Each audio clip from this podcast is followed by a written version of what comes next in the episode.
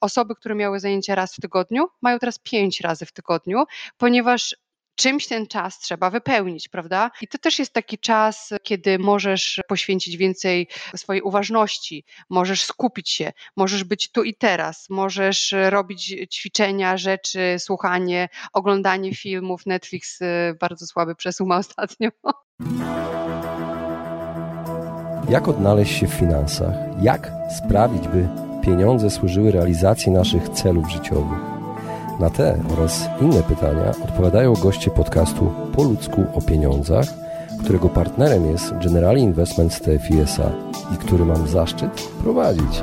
Nazywam się Radosław Budnicki, na co dzień prowadzę podcast Lepiej Teraz i nie jestem internetowym guru zarabiania. Rozmawiam tylko po ludzku o pieniądzach z ekspertami, którzy zrozumiałym językiem tłumaczą zawiłości finansów i to, jak sprawić, by pieniądze nam służyły a nie nami rządziły. Serdecznie zapraszam.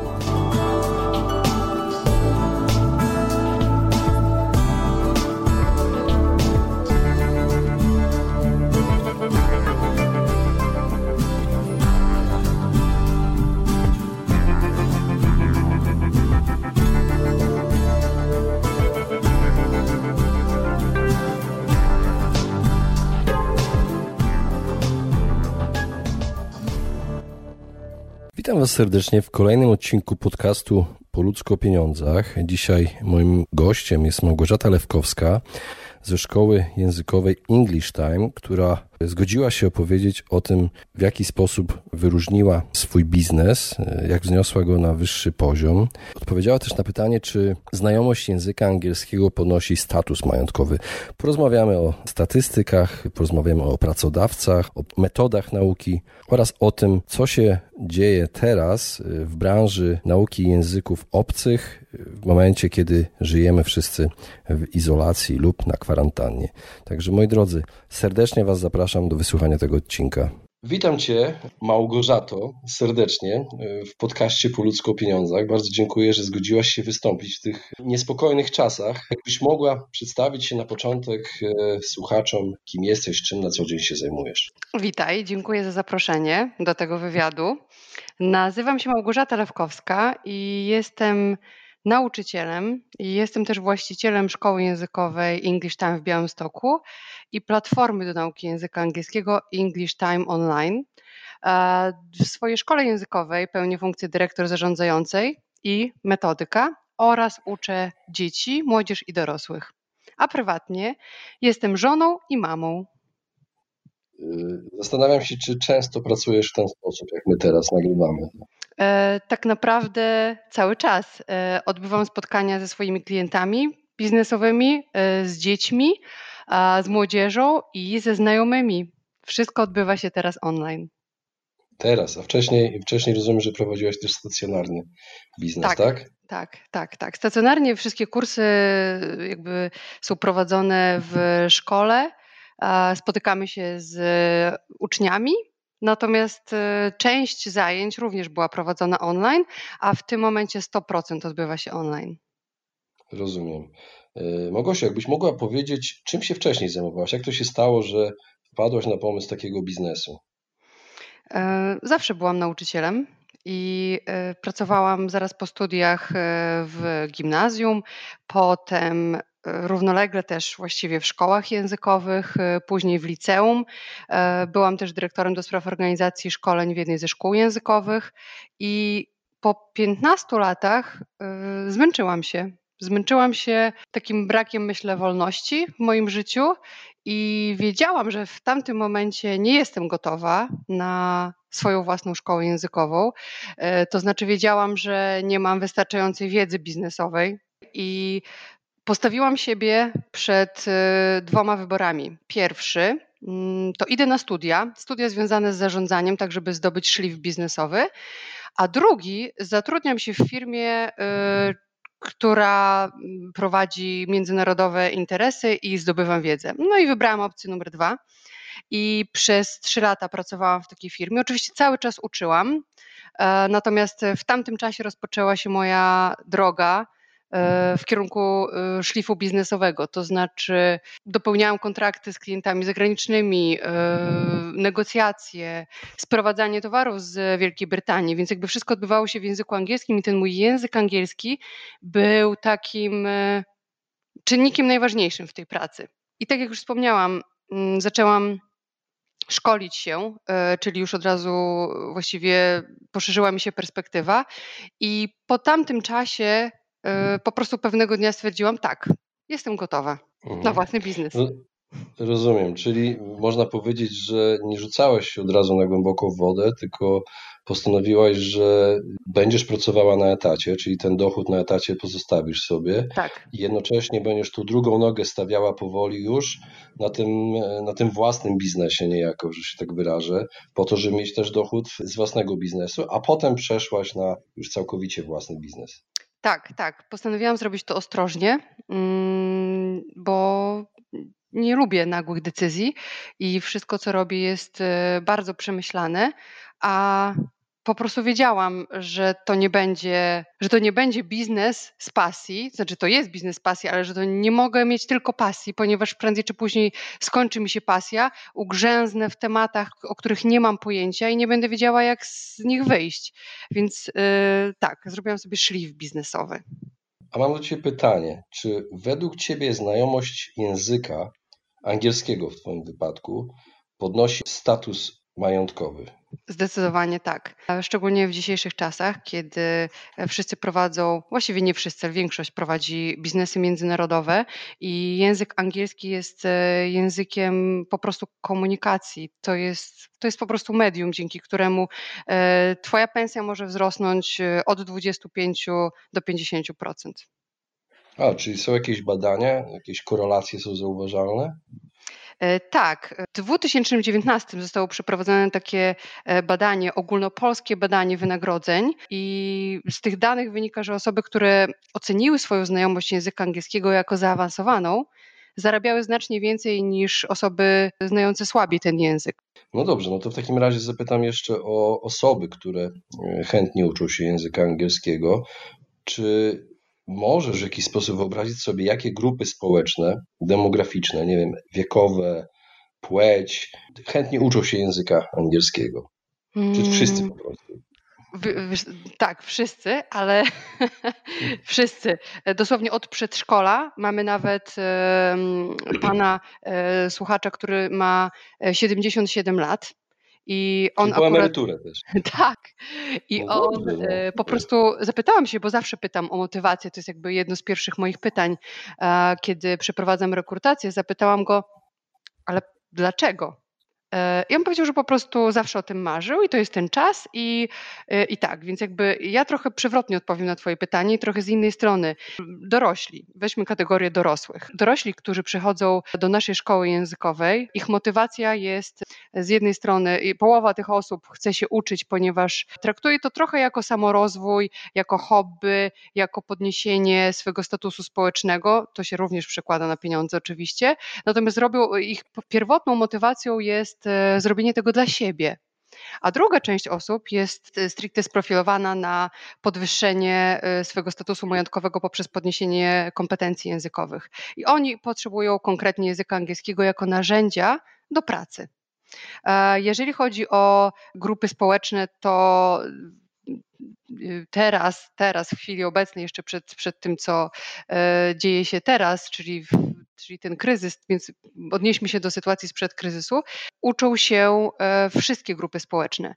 Nie ma teraz takiej sytuacji, nie było takiej sytuacji, że ktoś e, przyszedł i negocjował cenę kursu, ponieważ go nie stać jest na ten kurs. Nie, po prostu wszyscy mają silną potrzebę nauki i kwota, cena e, kursu nie jest dla nich przerażająca i nie jest dla nich przeszkodą do rozpoczęcia nauki. I jeżeli chodzi o grupy wiekowe, to tak naprawdę mamy najwięcej w tej chwili osób, uwaga, dorosłych, a rozpoczynałam tą szkołę, nie miałam ani jednej osoby dorosłej na kursie języka angielskiego. Więc e, to się zmieniło. To się zmieniło, po prostu osoby dorosłe uczą się. Mhm. Czyli można powiedzieć, że wydatek na naukę języka można traktować jako inwestycję według Ciebie? Zdecydowanie. Przede wszystkim wszyscy inwestują nie tylko w naukę języków, ale ogólnie w naukę i to jest inwestycja wielka. Mhm. No dobrze, przejdźmy dalej w takim razie. Chciałem Cię zapytać o pracodawców. Czy pracodawcy naciskają na znajomość języka angielskiego? Jacy, jeżeli już? Poprzez nacisk rozumiem, y, że pojawia się to w, wymaganiach, prawda? W ogłoszeniach, tak. wymaganiach, jeżeli tak. ktoś chce awansować, to na przykład y, słyszałaś od kogoś, y, że a mój pracodawca powiedział, że zostałabym kierowniczką, ale muszę się nauczyć angielskiego. Na przykład, czy zdarzają tak. się takie sytuacje? Tak, tak, oczywiście. E, pielęgniarki. Pielęgniarki to jest e, taki e, zawód, który jako pierwszy przychodzi mi do głowy gdzie osoby czują wielką potrzebę nauki języka. Wiele publikacji zresztą w języku angielskim, ale zanim o tym, znalazłam ostatnio takie badanie Golden Line z 2019 roku dotyczące wymagań właśnie pracodawców. I wskazano w tym badaniu kompetencje językowe jako ważny czynnik e, brany podczas e, rekrutacji pod uwagę. I nawet tutaj mam cyfry, wśród 25 e, 324 osób, które otrzymały na Golden Live zaproszenie do procesu rekrutacji, bezpośrednio od pracodawcy 82% posługuje się językiem na poziomie podstawowym, dobrym lub biegłym. I to jakby to zostało wrzucone wszystko w, jeden, e, w, jeden pro, w jedną cyfrę procentową. I angielski jest tym głównym językiem.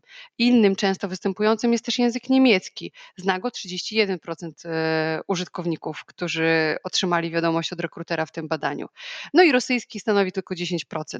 A branże, w których język angielski jest wysoko ceniony i e, bardzo potrzebny i no, też wymagany podczas procesu rekrutacji, to jest przede wszystkim branża IT. My mamy najwięcej klientów z branży IT. Przedstawiciele handlowi to jest kolejna grupa. Mm, oczywiście przedsiębiorcy, menedżerowie, osoby na stanowiskach kierowniczych, którym tak naprawdę w tym momencie jest głupio nie mówić po angielsku podczas spotkań biznesowych, prawda? E, mhm. Inaczej to wygląda, jeżeli sam e, jesteś w stanie powiedzieć to, co masz na myśli, niż ktoś tłumaczy, prawda? E, to, co ty mówisz. Myślę, że te czasy już też minęły. No i uwaga, uwaga, analitycy to też jest niesamowite, e, ponieważ wydaje się, że no okej, okay, do analizy różnego rodzaju danych nie jest koniecznie potrzebny angielski, natomiast znowu wracamy do e, tego, co powiedziałam wcześniej. Wiele publikacji, e, wiele wartościowych rzeczy jest po prostu w języku angielskim i po prostu teraz już nie dąży się do tłumaczenia wszystkiego, ponieważ zakłada się, że będziesz znać angielski, po prostu jesteś w stanie to zrozumieć. Nie wspomnę o publikacjach medycznych. No i teraz jeszcze to jest to, co u nas e, ostatnio w szkole językowej mm, kwitnie, to jest branża fashion, kosmetyka i fitness coraz więcej e, mamy, e, znaczy nie my jako szkoła, tylko w ogóle my ludzie, kontaktu e, z osobami z branży fashion, kosmetyczki, czy też ktoś przychodzi do kosmetyczki i mówi w innym języku. Branża fitness, naprawdę sama doświadczyłam tego, że tłumaczyłam mojej trenerce kilka tam zwrotów, ona się w końcu zaczęła sama uczyć języka angielskiego po to, żeby móc pracować z klientem w języku angielskim. Wiesz co, ja od razu mam takie pytanie mm, bardzo spontaniczne do ciebie, mm, które teraz mi przyszło do głowy. Mhm. Czy zauważyłaś jakieś wzmożone zainteresowanie kursami teraz w związku z tą izolacją taką w domach? Te, tak. Naprawdę? Tak, naprawdę. Jest, jest tak. E, wiesz co, też jest to taka sytuacja, y, której tak naprawdę spodziewałam się, y, ponieważ y, platforma do nauki języka angielskiego EnglishTimeOnline.pl, którą stworzyłam jakiś czas temu, to też był taki odzew na potrzeby klienta. Klienta, który nie ma czasu, który chce uczyć się angielskiego w dowolnym czasie i dogodnym dla siebie czasie. I w tej sytuacji, w której jesteśmy teraz, mamy mnóstwo kursów indywidualnych, ponieważ dla dorosłych prowadzimy kursy tylko indywidualne. No i myślałam, że no nie, nie będą chcieli, bo to tak online, bo to tak bez kontaktu, e, słabo nie. Otóż osoby, które miały zajęcia raz w tygodniu, mają teraz pięć razy w tygodniu, ponieważ czymś ten czas trzeba wypełnić, prawda? I to też jest taki czas, kiedy możesz poświęcić więcej swojej uważności, możesz skupić się, możesz być tu i teraz, możesz robić ćwiczenia, rzeczy, słuchanie, oglądanie filmów. Netflix y, bardzo słaby przesuł ma ostatnio. E, możesz po prostu robić to, na co nie miałeś czasu. Więc odpowiedź na Twoje pytanie jest tak. No dobrze, a powiedziałaś mi o osobach z branży IT, które są zainteresowane nauką języka angielskiego, a ja mam do Ciebie pytanie, czy jest dalej popularne, takie jak kiedyś było, jak ja uczyłem się angielskiego, takie rozróżnienie między business English a po prostu English. U ciebie może być na przykład IT English albo nie wiem, Technical English, jest coś takiego? E, są, są takie technical English, różne rodzaje English. Um, natomiast e, mhm. temat zaczyna się wtedy, kiedy spotykam się z klientem bądź grupą klientów, no i oni chcą y, biznesowy angielski. Super. E, wtedy ja określam poziom znajomości języka. Okazuje się, że y, ich poziom jest na przykład podstawowy. E, nie jest w stanie taka osoba od razu przejść na business English, ponieważ mm, nie zna podstaw, prawda? Więc najpierw robimy rzeczy e, podstawowe, ogólnorozwojowe, ułatwiające komunikację w różnych aspektach, a dopiero później przechodzimy na business English. Ale nie jest to tak popularne, jak było kiedyś. Po prostu nie, po prostu znajomość, znajomość języka na poziomie komunikacyjnym plus Twoje własne e, oczytanie w branży, w jakiej działasz, sprawia, że posługujesz się językiem angielskim mhm. po prostu komunikatywnie. Ty, ty, znasz te słowa, które występują w artykułach, w publikacjach, które e, są dostępne, które, które tak naprawdę czytasz na co dzień. Mamy kursantów, którzy są wykładowcami akademickimi i w ogóle nie zależy im na żadnym business English, e, żadnym mm, sprofilowanym angielskim. Po prostu oni znają wszystkie słowa, które są im potrzebne, a nie umieją się komunikować. Więc ta komunikacja to jest temat, z którym przychodzą do nas. A jaka jest Twoja metoda nauki? Jak Ty uczysz? Jest wiele metod dostępnych e, na rynku. Ja uczę od 20 lat. Już teraz minęło właśnie w marcu 20 lat, e, odkąd uczę języka angielskiego. I tak naprawdę stosuję miks dostępnych metod, czyli biorę z każdej metody to, co jest mi w danej chwili potrzebne, ponieważ mam świadomość tych metod, prawda? I przede wszystkim e, skupię się teraz na kliencie dorosłym i indywidualnym klient indywidualny otrzymuje ode mnie i od naszych e, nauczycieli w English Time tak zwane doświadczenie spersonalizowane. To znaczy, że ta usługa, którą my mu dajemy, jest wzbogacona o taki aspekt niematerialny, takie e, indywidualne podejście, uwaga, w poszanowaniu ograniczeń tego słuchacza, ale też w wydobyciu jego najmocniejszych stron, czyli badamy, e, jakie są możliwości danej osoby, co jest jej mocną stroną, wtedy wyciągamy te mocne strony. To, co jest słabą, pracujemy nad tymi słabymi stronami, ale bez takiego zwracania na to uwagę, że tak, to jest Twoja słaba strona, zrób coś z tym.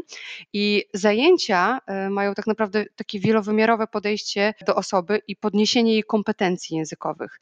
Tak jak wcześniej wspomniałam, wiele osób e, rozpoczyna zajęcia z języka angielskiego tak, aby coś zmienić w swoim życiu.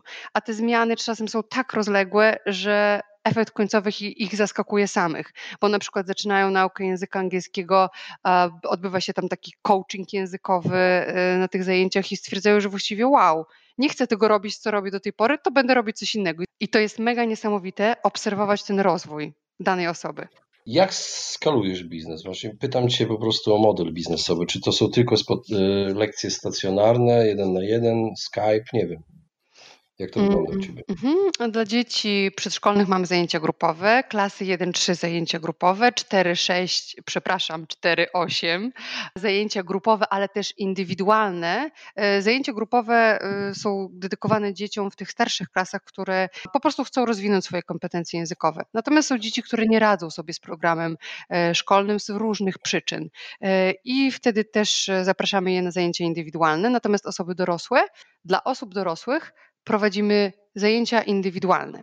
Taki tryb jest e, sprawdzony przeze mnie w, przez wiele lat i to zindywidualizowane podejście, o którym wspomniałam wcześniej, sprawia, że ich nauka jest szybsza, efektywniejsza i nie zniechęcają się tak e, szybko, jak e, mhm. zniechęcaliby się pracując w grupie, bo realizowane są po prostu ich potrzeby.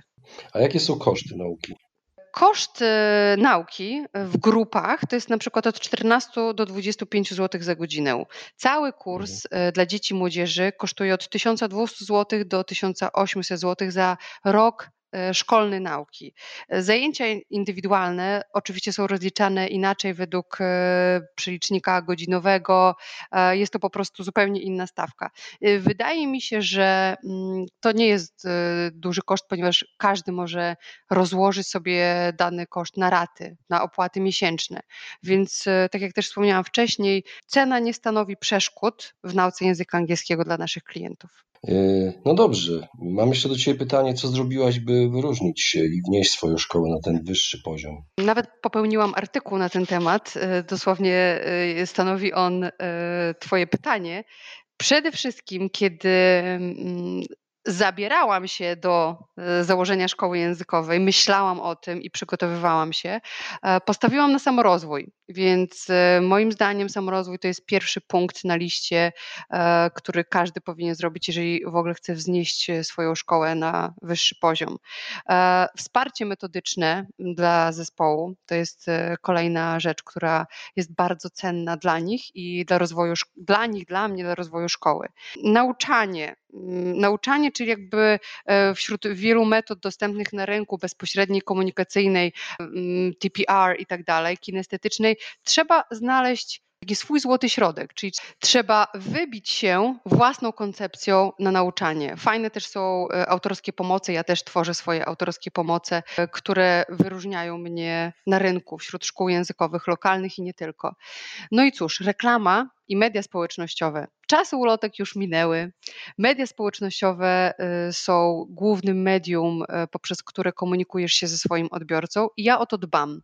Dbam o to sama, ale też e, mam osobę, która pisze posty, pisze posty też na bloga, to, to są też nauczyciele, e, tak aby zaangażować e, społeczność. Cennik jest również takim ważnym aspektem, jeżeli chodzi o zniesienie szkoły na wyższy poziom, ponieważ, no cóż, kursy nie mogą być tanie, bo jeżeli oferujesz coś w niższej cenie, to niekoniecznie może być to dobre.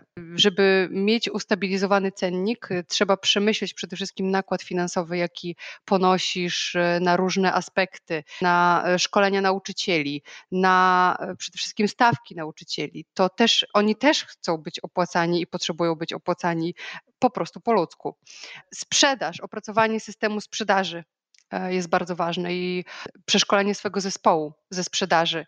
Ja na początku robiłam to sama i podczas każdej rekrutacji uczestniczę w procesie sprzedaży, natomiast sekretariat jest aktywnie zaangażowany i najpierw obserwuje mnie. Oczywiście mam też procedury na każdy temat, więc procedury są tutaj ważne, e, sprzedażowe.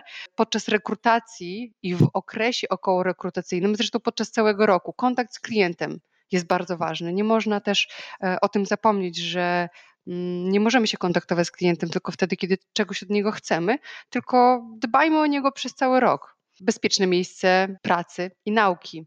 E, ważne jest, żeby pracownik, uczniowie e, pracowali w miejscu, które spełnia wszystkie, e, które jest zgodne z przepisami BHP po prostu. Ja stworzyłam taką szkołę w 2019 roku. Przenieśliśmy się z małego miejsca, dosłownie z jednej sali do piętrowego budynku i cały projekt, który, według którego powstały wnętrza, sale, spełnia wszystkie wymogi. To też jest ważne, bo mamy kontakt z dziećmi, a one są czasem nieprzewidywalne i to głównie o nie mi chodziło, ponieważ e, dorosłemu się raczej nic stać na zajęciach nie może. Więc to jest bardzo ważne i też jest spokój ducha nauczycieli, e, którzy opiekują się daną grupą uczniów. No i bardzo ważne to jest e, księgowość i terminowość. Księgowość, czyli znalezienie odpowiedniej osoby, która doradzi ci, ponieważ przedsiębiorca zawsze ma fajne, kreatywne pomysły na to, jak można byłoby coś zrobić, a księgowość sprowadza się na ziemię i mówi, że według przepisów takich i takich to właściwie jest niemożliwe. Więc e, mhm. takie negocjacje z księgowością e, są e, no, takie bardzo wartościowe. Terminowość dostarczania wszelkich usług z mojej strony, ale też ze strony klientów, czyli dbanie o to, żeby dbanie, właściwie mm, pilnowanie tego, żeby klient płacił w terminie, a moją taką, termin, taką ulubioną strategią, jeżeli chodzi o moją terminowość i, i w ogóle o podejście do klienta, to jest e, koncepcja Lean.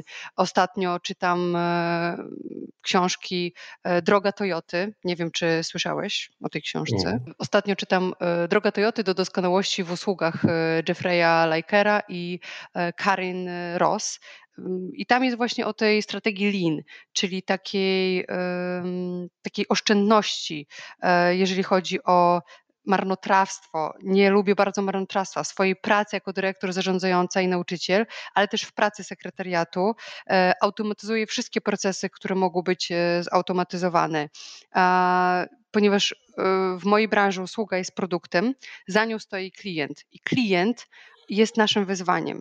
I według mojej takiej filozofii ma on otrzymać to, czego potrzebuje w jak najkrótszym e, czasie oraz w atmosferze wzajemnej uprzejmości. Na to ostatnie zawsze kładę nacisk. Kiedy ja się kontaktuję z klientem, kiedy on e, kontaktuje się ze mną, e, to też trochę zwracam na to uwagę. Także sekretariat też jest przeszkolony z zakresu obsługi klienta, tej, tego niemarnotrawienia czasu na rzeczy zbędne. Kiedy nauczyciele też robią różne rzeczy, zawsze podkreślam, że ekonomizujcie czas swojej pracy, ponieważ pewne rzeczy e, nie potrzebują tyle uważności, ile chcecie im poświęcić. No dobrze, zbliżamy się do końca. Na koniec mam do Ciebie jeszcze pytanie o, o, finanse. Jak udało Ci się sfinansować ten biznes? Oszczędzałaś, odkładałaś, wziąłeś kredyt? Jak to wyglądało, jeżeli możesz zdradzić oczywiście? Oczywiście, że mogę zdradzić, ponieważ historia jest niesamowicie prosta. Miałam oszczędności i z tych oszczędności poświęciłam, uwaga, 2000 zł na założenie swojej firmy.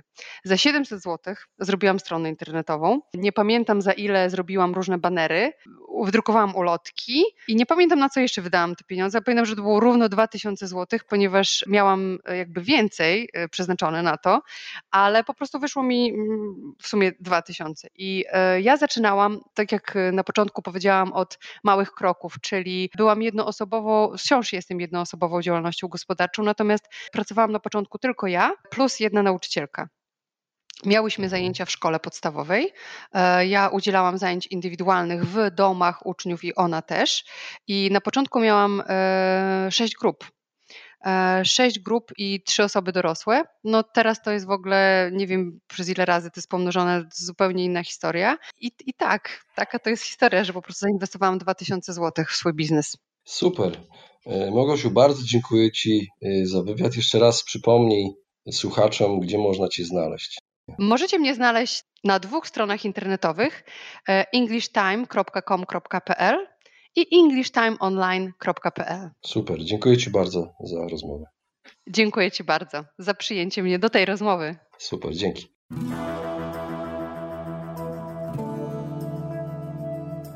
Właśnie wysłuchaliście podcastu Po ludzku o pieniądzach. Mam nadzieję, że Wam się podobała rozmowa. Jeżeli Wam się podobała, poświęćcie swój czas, proszę, by pozostawić swoją recenzję na iTunes. Jeżeli macie pytania lub e, propozycje dotyczące kolejnych audycji, piszcie do mnie na fanpage'u Po ludzku o pieniądzach i do usłyszenia w następnym razem.